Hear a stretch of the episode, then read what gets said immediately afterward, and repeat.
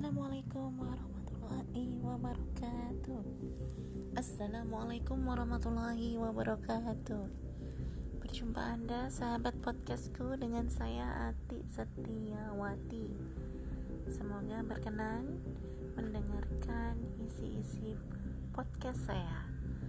Maklum masih belajar dan akan terus belajar Supaya mudah menyampaikan pesan melalui podcast.